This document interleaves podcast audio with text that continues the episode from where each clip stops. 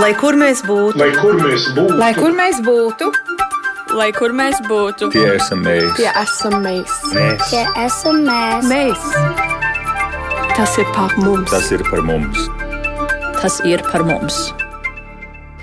Esiet sveicināti raidījumā Globālais latvietis 21. gadsimts raidījumā, kurā uz sarunu mēs esam aicinājuši vienas stipras un pamatīgas latviešu dzimtes pārstāvjus, neraugoties uz to, kādus tik līkločus dzīves ceļi ar viņiem nav izveduši. Un viena no šodienas viešņām ir minējusi šādus vārdus. Mūsu krēsliņu gadījumā bijām privileģēti uzaugt gaišu, darbīgu cilvēku vidē. Tāda bija ģimene, un tāda bija arī aktīvā sabiedrība ap mums.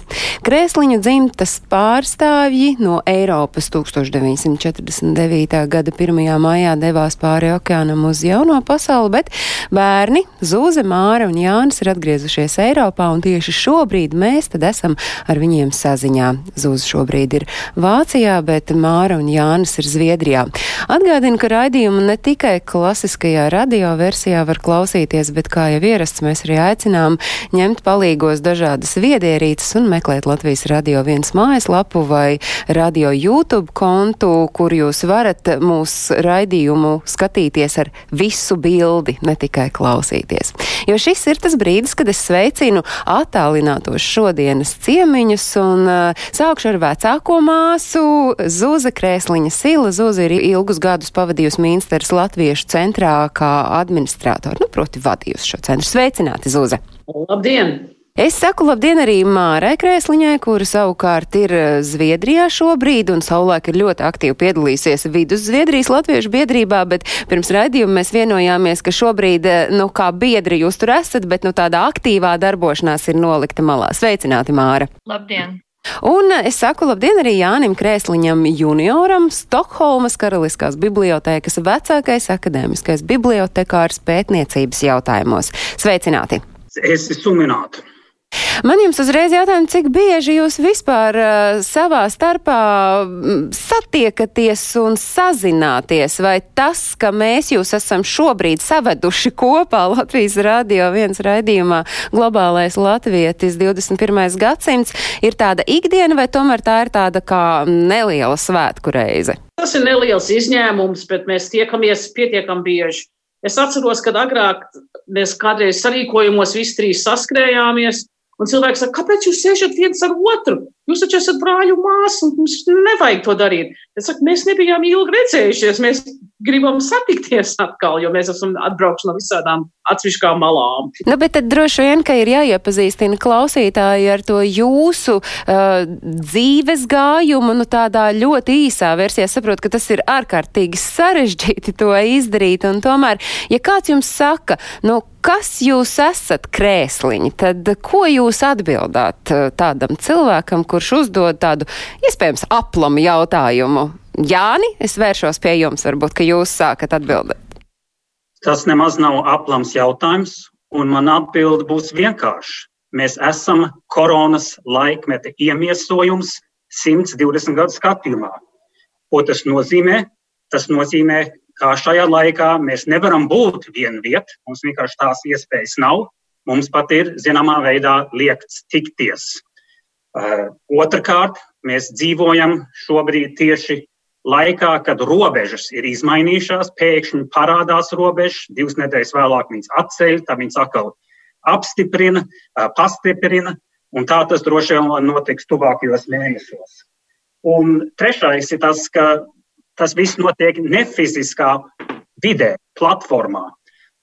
Šobrīd tā ir digitāla un sazināmies visbiežāk, uh, saprotams, ar digitāliem līdzekļiem visbiežāk. Konkrēti, uh, mēs neviens neesam varējuši savus vecākus satikt tagad nu, gandrīz pusgadu. Un, uh, tas, saprotams, mēs fiziski netiekam viņiem klāt. Bet tas mūsu ģimenei, ka mēs fiziski netiekam klāt, ir pilnīgi dabīgs, normāls stāvoklis. Mums vienmēr tā ir savā ziņā bijis. Nemaz nerunājiet par to, kā tas bija padomu laikos, kad bija aizliegts iebraukt vai ierobežot iebraukšanu. Starp citu, jā, šeit raidījumā globālais latvietis uh, Elīna Pinto bija tā, kura tikko vispār uh, Covid-19 sākās Eiropā, mēs par to šeit runājam, kā, kā ir ar šiem ierobežojumiem, un viņa bija tā, kura teica, ka iespējams diasporai un trindiniekiem pat ir vienkāršāk šo distancēšanos, šo fizisko nespēju satikties pārcies, tāpēc, ka ir jau tāda gadiem uzkrāta pieredze par to, ka nevienmēr tu vari apkamt savus mīļos un to, ka šīs viedierīces ir jāņem palīgā. Un tomēr es gaidu šobrīd no jums atbildi, kas ir krēsliņu dzimta, kāpēc uh, mēs uh, skatāmies uz jums kā uz tādu, nu, zināmā mērā, ja es varu teikt, paraugu tam, kā latvietību iznest cauri laiku laikiem. Tagad es varētu Māru uzrunāt. Neviens nav prasījis, kas krēsliņi ir par laimi līdz šim. Jūs esat pirmā. Kāpēc par laimi? Nekāds paraugs arī tas nav. Tas ir normāli normāli mūsu ikdiena, un es pazīstu citus tādus cilvēkus arī. Nav nekas īpašs. Un par to eh, virtuālo satikšanos tā trimdi jau bija viens globālais ciemats un globālā saziņa vienalga pa visu pasauli. Bija crowdsourcing jau 40. gadu beigās, 50. gados, ja gribēja latviešu grāmatu izdot. Tas nav nekas jauns. Satikās caur avīzēm un caur rakstiem un ar, ar pastu, lēno pastu. Un, saprotams, jā, Latvija mums bija pilnīgi slēgta. Un pat uh, vēstules, kas nāca no turienes, ne tikai smirdēja jocīgi, bet arī bija uzplēstas un fakti pāršvīkāt, un ja vispār atnāca. Tātad, jā, mēs esam pieraduši pie virtuāl, vir, virtuālas dzīves, kā teikt. Vai kā Zūza nolikā saka, pie tādas uh, izolācijas, bet nu kas ir krēsliņi? Jā, zūs atbild. Krēsliņi, es nezinu, mēs esam vienkārši viena ģimene, kur uzaug trīs bērni. Mums ir vecvecāki, kas eh, īstenībā bija ļoti liels pluss, kad viņi arī bija ārpusē no Latvijas un palīdzēja mūs arī audzināt. Mēs nebijām tādā veidā um, tikai ar vecākiem saistīti. Tas bija mūsu ģimenē jau plašākais lokus. Tad mums bija pat vecvectēvs. Es pat piedzīvoju savu vecvectēvu, kurš eh, no vidzemes bija paņemts līdzi visiem grūtībām uz Ņūdžersiju, kas ir nu, turpat pie Ņujorkas. Tā kā Mārta teica, tas nav nekas tik sensacionāls, kad ģimenes turējās kopā. Es domāju, tas bija stiprākais atbalsts, kas cilvēkiem bija. Viņi meklēja savējos, vistuvākie savējie bieži ģimene, un citreiz tas ir meklē to nākamo ciemu, kas ir tavs tuvākais lokus draugiem, kas tad veidojās kopā kā kaut kāda sabiedrība. Un es jau varu stundām stāstīt par to, ka mums bija visas šīs latviešu skoliņas, guntiņas, gaidas, tautas dejas, korīši, teātri un, un, un. Tas bija vienkārši normāli. Tā tas bija. Ņujorkā bija 5000 latviešu. Tas bija daudz. Bāze visam tam bija Ņujorkas latviešu draudze, kas ir izņēmums, jo lielāko daļu pilsētās visi jau bija sasīdējušies un sašķēlušies 25 mazās vienībiņās, bet kaut kādā veidā Ņujorka to paspēja, un tas bija ļoti labi. Tad tas bija latviešu skolu tīkls, nebija tikai Bronx latviešu skola, kurā mēs uzaugām, bet bija arī citās Ņujorkas lielās pilsētas daļās. Un jāatcerās, ka Ņujorka ir četreiz tik liela kā Latvija. Milzīga pilsēta. Mēs uzaugām vienā ļoti raibā vidē. Tā kā es nezinu, kā, kā jūs gribat to teikt par krēsliņu ģimti, ka mums visiem kaut kas interesē par to latvietību. Tas lielāko tiesu vecāku nopelns, vecvecāku un vīdes nopelns. Es domāju, kāds cits var komentēt gudrāk. Jāni. Es uh, citu pieejamību varbūt minēšu. Es sākšu ar vietvārdiem. Uh, mūsu vecāku paudzē mēs esam īstenībā no ārkārtīgi maza apvidu ziemeļvidzemē, gan mātes un tēva pusē. Ļoti, ļoti ierobežotā. Bet tas pilnīgi atplaukst. Un vecāku paudzē varbūt nozīmīgākās vietas vecāki piedzīvoja tērbatu, Pēterpils, kā Eiropiska pilsēta ar milzīgu latviešu darbību. Mans vectēvs bija Harkovā, studēja. Viņš nonāca, saprotams, otrā pasaules kara laikā Vācijā, Vācijas nometnēs un nobeidza savas dzīves Amerikā. Tad mana vecākā, mana vecāka paudze, kas ir augus starpkara gados. Viņu stāsts ir īstenībā, teiksim, tēva gadījumā, Jāņa Krēsliņa senjora gadījumā, ir viņam nozīmīgā, viena no nozīmīgām vietām ir Pērnava, kas ir tuvākā Lielvidzemes pilsēta viņa dzimtajai pilsētai gandrīz, bet kura, starp citu, atradās tieši tad citā valstī, proti Igaunijā. Bet ļoti nozīmīgs faktors abiem maniem vecākiem bija gadi Franču okupācijas zonā. Nevis Angļu, nevis amerikāņu, bet gan Franču okupācijas zonā starp 45, 8 un 49 gadu. Tad nākošā paudze, mūsu paudze, dzimusi un augusi Ņujorkā, bet mūsu tīkli ir Bostonā, Filadelfijā, Vācijā, Zviedrijā. Un šiem putniem, kas ir izklīdis pa visu pasauli. Viņu bērni mētājās par Skotiju, Skotiju. Man, man ģimenes locekļi vecā paudze teica Skotiju vienmēr. Skotiju, Vāciju, Zviedriju, Ameriku un maisās vēl ar vienu un kustās. Un Latvijā, saprotams, tas ir tas stāsts, tas ir 120 gadu skatījumā. Un es domāju, pats būtiskākais ir tas, ka nekad šai stāstā īstenībā tas fiziskais nav bijis svarīgi. Viss tā identitāte tiek veidota un kopta savā ziņā kā pārliecība. Nav kā vācieši saka, blūt un boden, bet gan īstenībā garīga viela. Un bez tās garīgās vielas, nezinādams savu vēsturi, mūsu ģimenē tika iepotēts, ka tu neesi latvietis. Principā es klausos, jūs tomēr esat tā ļoti atbilstīgi visu šos 120 gadus pildījuši mūsu raidījumu nosaukumu globālie latvieši. Tātad būšana visdažādākajās pasaules vietās, tā ir tā jūsu dzimtas, nu, nu es negribu teikt šausmīgi skaļiem vārdiem, bet man ir tā sajūta, ka tas pat ir iekodēts jūsos tieši tāpat, kā ir iekodēta šī latvietība, jo jo jūs, Jāni, tagad sakot uh, par šo vācisko blūt un boden, esat principā nocitējis to, ko jūsu tētis ir atrakstījis mums vēstulē, kurā viņš tad arī saka, savā 90. Citēju, tieši Jā, tāpēc, tieši tā.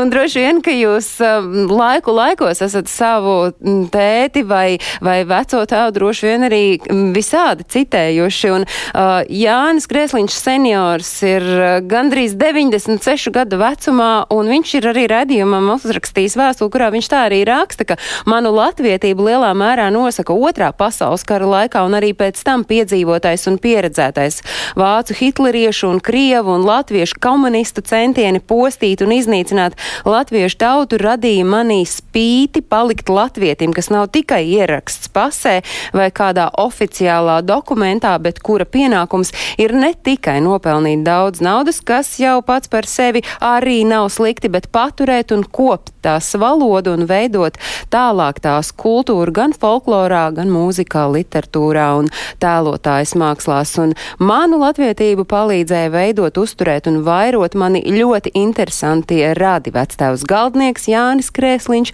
kurš nomira pirms manas piedzimšanas ar saviem rakstiem, darinājumiem, mātes, vecās mātes radinieces, kuras man iemācīja zināmus lauku darbus un kurām bija lieli žurnālu un grāmatu krājumi.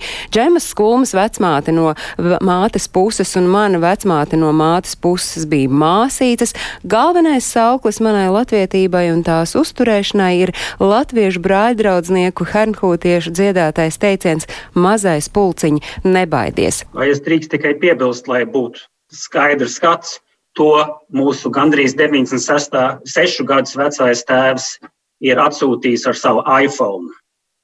Bet, ja mēs tā skatāmies, nu, ar, ar, ar jūsu tēta to, to stingro sajūtu, jūs esat piedzimuši, jūs ar to esat dzīvojuši. Zuze rakstīja es tagad ātrumā cerams, ka atradīšu, ka tad, kad jūs paši sākāt uh, grozīties uh, un domāt, kas esam paši, tad radās iespēja turpināt šo latviešu spēli arī citur. Vai tā sākotnēji bērnībā arī bija iespējams jums kā spēle? Jānis, uz jums var skatīties. Var. Es gribētu vēl, vēl vienu faktoru pieminēt. Mēs esam dzimuši un auguši Ņujorkas centrā ļoti multikulturālā vidē, kur ļoti bieži parādība bija tā, ka bērni gāja mājās pēc skolas un runāja citā valodā. Visi darīja uz to pašu, es teiktu. Es godīgi sakot, es uh, atbraucot uz Zviedriju, es pirmo reizi piedzīvoju, ko nozīmē viena valsts, kurā ir relatīvi, tai laikā varbūt vēl bija relatīvi homogēna tautas izjūta. Ņujorkā tas bija pilnīgi normāli, ka katram ir savs identitātes ceļš ejams. Un tas, protams, ir radoši. Un, uh, saprotams, to arī redz tajā vidē, tu piedzīvoji tās paudzes. Katra paudze to tulkoja savādāk. Jūs piekrītat Zuza brāļa teiktajam? Es domāju, ka tas, ko es mēģināju pirmie teikt, kad mēs bijām tā kā drusku tā kā sekta, mums bija savu rituālu, mēs tos piekopām, un tas bija labi. Ne, mēs nejūtāmies, ka mēs esam kaut kas ļoti eksotisks. Un, teiksim, mana bērnība ir 60. gadi, mana jaunība ir 70. gadi. Tas ir arī tas hipija laiks, kad cilvēki meklēja, kas viņi varētu būt oriģinālāki, interesantāki. O, tad mēs esam latvieši, tad mums ir kaut kāda bombonziņa, ko mēs varam jau tūlītās sev pašiem pielikt kā tādu zvaniņu klāt. Mēs esam, mēs zinām kaut ko par folkloru. Oh, mūsu vecvecāki pat kop vists vai kaut ko tam līdzīgu. Vai cik interesanti. Tas ir tas, ko tagad pilsētā uzaugušie cilvēki grib darīt. Es, es personīgi, nē, es nezinu, kas ir viss, bet tā vide un tas laikmets arī ļoti iespaido to, vai tu tad meklē sev kaut kādā plašākā posmā, vai tu meklē sev atrast to oriģinālo, kas ir tava identitāte. Un mūsu skatījumā tas sanāca latvietība, jo ļoti daudz laiks bija investēts jau tajā spēlītē, kā es viņu saucu. Daži izšķīrās nedarīt to, daudz izšķīrās to darīt. Un tas ir vienkārši mums trim laikam bijis tas, kas ir diezgan interesanti bijis. Tas latviskais kaut ko tas, lai arī nozīmētu. Vēlreiz vienkārši gribu citēt savu tēvu. Viņa vārdi ir ļoti, ļoti vietā.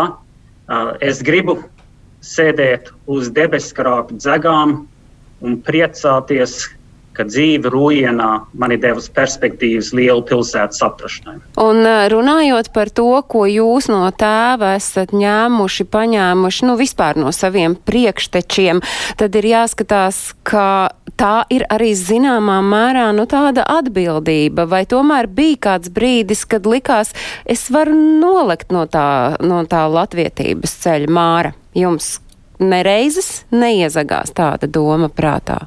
Nē, nav bijis variants īstenībā, jo ar saviem tuvākiem cilvēkiem nevar runāt citā valodā. Tas nav tas pats, tas ir tāda teātris spēlēšana vienkārši iznāk. Un tāpat tās ar bērniem un mājās citādi nevar. Bet atgriežoties vēl pie tās Ņujorkas, jā, Ņujorka bija ļoti iecietīga. Es skatos uz saviem vienaudžiem, kas Zviedrijā ir auguši, viņiem milzīgi liela spiediena bija asimilēties un pakļauties. Zviedrijā visi dara tā, bet Ņujorkā katrs dara pa savam. Tā kā mēs varējām darīt pilnīgi kā mēs gribējām. Mēs nemācījām angliski, kad mēs sākām skolā iet, bet tā nebija nekāda problēma. Jā, bija visādas valodas, bija visādi cilvēki, gari, īsi, dažādās krāsās. Tas bija normāli. Un neviens nesit otram pa galvu toreiz. mēs augām drošā vidē. Kaut gan tas skaitījās eh, relatīvi nabadzīgs rajons, kur ieceļotāji brauc, jo, kur ieceļotāji dzīvoja Bet, saprotams, ir gaišas atmiņas pat no tā. Jā, Jāni, gribēja ko piebilst? Jā, es gribētu tomēr minēt, ka visā tai pusē ir arī otra, uh, otra ģimenes, uh, varētu teikt, sliede, un proti tā ir celma ģimene māca pusē. Milzīgi liela nozīme, kas savā ziņā, es domāju, mūsos visos ir iedēstījis zināmas iemaņas skolotāju darbā un skolotāju misijā. Citiem vārdiem, skolotājs ir tas, kas īstenībā izmaina pasauli, nevis politiķis vai ģenerālis virspavēlnieks. Un turklāt jūsu senči, kuri ļoti labi pieredzēja to, ka dodoties bēgļu gaitās, tu neko jēdzīgu nevari paņemt līdzi. Tu vari paņemt līdzi tikai to, kas ir tev tavā galvā, to, ko tev tie tavi skolotāji ir iedavuši. Līdz ar to tā izglītošanās ir arī ārkārtīgi svarīga jūsu, jūsu tālākajā dzīvē, jo droši vien nepastāvēja arī tāda vispār iespēja, ka jūs varētu arī kaut ko, kaut kad, kaut kur nemācīties klausīties. Šobrīd, Jāni, jūs esat cilvēks, kurš eh, no nu, sava tēta darba un idejas tā tālāk virzāt, vai jūs varat ieskicēt arī šo sadaļu? Katram kārtīgam bērnam ir jāsaceļas pret saviem vecākiem. tādā pašā veidā es arī gribētu piebilst uh, māsu teiktajam, ka es domāju, ka mums katram kaut kādā brīdī bija nepieciešams sacelties pret to latvisko. Varbūt mūsu sacelšanās bija mazāka kā citiem, bet saprotams, tikai ejot un piedzīvojot un redzot kaut ko citu, var to darīt. Un tādā ziņā pilnīgi, e, es domāju, mans e, tēvs, saprotams, ar savām interesēm ir atstājis ārkārtīgi dziļu un pozitīvu iespaidu, bet saprotams, ka esmu mēģinājis iet pilnīgi citu ceļu. Kaut gan tīri ap, aprakstot to ceļu, dažam varētu likties, tas ir līdzīgs, bet mūsu domāšanā mēs esam daudzā ziņā ļoti atšķirīgi. Un es domāju, galvenokārt tādēļ, ka mūs ir veidojuši cits laikmets un īsnībā cita vide. Mēs kaut vai to pašu Ņujorku, ko viņš piedzīvoja kā jauns, jau domājošs cilvēks, mums tā bija īstenībā vairāk bērnības un skolu vide. Uh, un mēs savu briedumu sasniedzām kaut kur citur, mētājoties pa pasauli. Bet šobrīd, mētājoties pa pasauli, jūs tomēr, nu, zināmā mērā, jūs sakāt, ka jūs pretnostatījāties uh, savam tētim, tad kas ir tas, ko jūs šobrīd darāt? Jā, Uh, nu, es esmu, man ir atbildība Karaliskā uh, bibliotekā, Zviedrijas Nacionālā bibliotekā. Man atbildība daļēji kopt zviedru identitātu un zviedru kultūras mantojumu. Tas ir cilvēks, tas ir latvietis, kas ir dzimis Bronxā, Ņujorkā, kopj Zviedrijā, Zviedrijas kultūras, vēsturi un uh, mantojumu. Es uh, to nodarbojos ikdienā, un es parasti mēdzu teikt, ka man, man ir pieejama. Saprotams, tā mana karaliskā biblioteka ir arī Latvijas Nacionālā biblioteka, jo tur ir materiāli no Latvijas un par Latviju, kas, kuru Latvijā nav, pateicoties vēsturei. Bet man ir sava laboratorija. Tad man ir īstenībā šajā laboratorijā katru dienu uzstāda sev jautājumu, kas es esmu un kurp man jāiet. Un kāds bija tas ceļš uz Zviedriju? Jūs eh, minējāt, mētājāmies pa pasauli, bet uh, kurš bija tas mirklis, kad jūs un kā nonācāt Zviedrijā? Es nonācu 83. gadā, varbūt raksturot to situāciju tādu, lai būtu tād, tāda, tāds pipariņš tajā. Ja es draudzējos ar kādu jaunu sievišķi no universitātes vai kā, tad man vecāki bija vienmēr ļoti uzmanīgi un teica, vai tu zini, ko tu spēlējies šajā jautājumā, cik tas var būt nozīmīgs. Tā brīdī, kad es teicu, es gribu aizbraukt uz Beļģiju vai uz Vāciju, satikties ar latviešiem, kur es rotaļātos tādā pašā veidā, viņi teica, brauc vienu, cik tev apmēram vajag naudas tai lidmašīnai.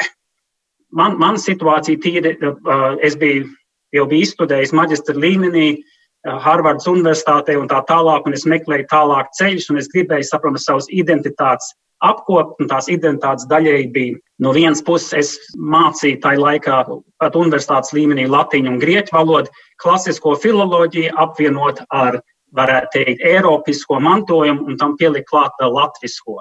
Un es saprotu, es vienkārši netiku iekšā Latvijā, man neļauj pētīt, tādēļ es nonācu tik tuvu Latvijai, cik varēju. Un tur, saprotams, man bija jāpieprasa ar laiku asilu tiesības mīlestības dēļ. Savukārt, Māra, jūsu ceļš uz Zviedriju un ko jūs šobrīd darāt? Man ļoti svarīgi bija agrā jaunībā piedalīšanās Andreja Jansona kokļa ansamblī, ar ko braucām turnējās, un starp citu aizbraucām uz Minsteru. Un tur es redzēju ministrs latviešu ģimnāzistus, un es nolēmu, tur es noteikti gribu būt. Tad es gāju tajā ģimnāzijā vienu gadu, un pēc tam es gribēju apakaļ uz Eiropu. Tāpēc, ka latviešu valodu nekur nevarēju studēt tālāk, augstākā līmenī nebija ne, ne, iespējas nekur, un Latvijā mums teica, ka uh, mums jau pietiekam studenti, mums nevajag tāds kā jūs, nebija šans, ka mēs vispār dabūtu iespēju studēt Latvijā. Un tad vēl trūķa Draviņa profesori bija nodibinājis Baltas studijas Stokholmas universitātē. Un tur sabrauc no visas pasaules man gadgājumu cilvēku. Tur arī bija aktīva kultūrāla un politiskā dzīve, un es tur aizķēros, jo es satiku savu vīru, kas ir arī latvietis, dzimis Londonā, jo viņa tēvs bija Latvijas vēstniecībā Londonā, bet uzauga Austrālijā, bet arī atbrauca uz Stokholmu, jo Stokholma bija tāds kultūrāls centrs trimdā. Un tā mēs aizķērāmies tā folkloras interese turpinājusies visu laiku, jau kopš 70. gadu vidus. Pirms visiem skandiniekiem un folkloras kustības Latvijā mēs paralēli pētījām folkloras krātuves materiāls. Mums jau nebija pieejama audio materiāli, mums bija tikai notis un papīra. Bet, un tas vēl ar vienu turpinās dažādos sastāvos, ar dažādām paudzēm, dažādiem cilvēkiem, vairāk nekā 50 gadus. Labi, paldies, Mārija. Un tad vēl zūzas tās ieskicējums ar uh, skatu no Ņujorkas uz Eiropu. Tur pa vidu vēl ir Bostonas, bija nobeigusi universitāti, drusku meklējos, ko darīt, bijām apprecējušies, izjuku pirmie bērni, mums bija dvīnīši gaidām, nesanāca, un kamēr es biju slimnīcā, es redzēju sludinājumu. Minsteras Latviešu ģimnāzija meklē audzinātāju. Tā kā tu nevari pateikt, vai tas ir vīrietis vai sieviete, ko viņi meklē. Mēs piesacījāmies abi. Izrādījās, vajadzēja sievieti. Tā biju es. Un tā mēs nonācām, tas laikam bija 76. gads. Um, Vācijā mēs bijām ar divām mugursomām aizbraukuši, domājām, nu mēs tā pusgadu, tāda Peace Corps, tas bija tanīs laikos ļoti populārs. Amerikas jaunieši brauc uz Āfriku būvēt pumpjus vai kaut ko tamlīdzīgu. Mēs brauksim uz Latvijas skolu un pastrādāsim tur, un tad mēs brauksim pēc pusgada mājās. AHH, 40 gadus vēlāk, tas viss ieilga, vai kā Mārta teica, aizķērāmies. Un tad no sākuma bija vienkārši Ministrs Latvijas gimnāzijā audzinātāji, tad vēlāk es kļuvu par Ministrs Latvijas gimnāzijas internāta vadītāju. Tad bija kaut kāda pauzīte, tad um, nobruka tā skola. 98. gadā aizvēra Ministrs Latvijas gimnāziju ciet, jo bija tieši tāda laika, kad Latvija brīva, Latvijā vajag iebraukt uz Latvijas skolu, nevajag mazam ārpusē no Latvijas nav vajadzīga tāda skola, diaspora vēl nav īsti attīstīsies. Un tad man iekrita klēpī vadīt Latviešu centru, kas bija būtībā tajā pašā ēkā, teiksim, administrēt to. Man bija ļoti liela privilēģija redzēt to pārmaiņu vai to attīstību no vecās trījus uz jauno izbraukušo grupu. Un īsnībā bija jau ļoti interesanti, ka mēs 76. gadā aizbraucām uz Vāciju. Vācijas latviešu struktūra bija pavisam citādāka nekā Amerikas. Jo viņiem nebija tā atsakņošanās, viņiem nebija jābūt globalizētiem. Viņi bija turpat tajā Vācijā sēdējuši tajos pēc bēgļu nometnēm, teiksim, mazos ciematiņos, un ļoti daudz bija asimilējušies. Um, Daudziem gāja ļoti labi, jo pēc kara Vācija bija teiksim, ļoti nobumbota un viss izpostīts, un viņiem visiem vajadzēja visu jaunu uzbūvēt. Jauniem cilvēkiem bija darbs, un viņi ļoti sekmīgi iekļāvās tajā vācu vidē, pilnīgi saprotam. Bet no tā latviešu, sabiedriskā, ko mēs pazinām no Ņujorkas vai Bostonas, Oi, oi, oi, Vācijā bija katastrofa. Mums likās, tas ir kā skatīties kristāla bumbā, šī tā būs Amerikā pēc 20 gadiem. Un tad tomēr lietas vienmēr notiek savādāk nekā tu domā. Visas tās pārmaiņas Latvija kļūst brīva un tā tālāk, un um, lietas atkal grozās. Un, nu, tagad līdzīgi attīstās uh, cilvēku centieni turēties kopā, kaut kādā veidā identificēties kā latviešiem, jo tas ir kā viņi socializēti un to viņi grib turpināt darīt. Es gribētu atgriezties vēl pie tās ministrs Latviešu ģimnāzijas. Eh, es noteikti domāju, ka ir vajadzība tādai skolai ārpus Latvijas, kas būtu šausmīgi nozīmīga diasporai, kas ir, man tā ļoti ietekmēja manu dzīvi, turpmāko dzīvi un vajag forši internāta skolu. Mums bija milzīga brīvība, mums nebija jāklaus nekādas Latvijas valdības diktāti, un mums nebija jāpieprasa kaut kāda fonda. Mēs darījām, kā mēs gribējām, mēs rīkojam savas skolas. Un uh, es to novēlu diasporai. Man liekas, diasporai atkal visiem jādara tā. Nav tik viegli jāpieprasa naudas un jāorganizējās. Es jau jūtos nostalģiski par mūsu pieredzēto. Bet katrā ziņā gimnāzija diasporas jauniešiem, es domāju, būtu prioritāte. Nu, jā, tad uh, Zūzi jau ieskicēja un patiesībā atbildēja uz manis neuzdoto jautājumu par to salīdzināšanu, par to, kā tad uh, ir mainījusies uh, trimda vai, vai diaspora. Es nezinu, kuru vārdu jūs labprātāk lietojat, bet katrs savu laiku jūs esat aktīvi rosījušies latviešu kopienā, un tad jūs droši vien arī esat tie cilvēki, kuri spēj redzēt, vai un kā šobrīd tā latviešu kopiena ārpus Latvijas mainās?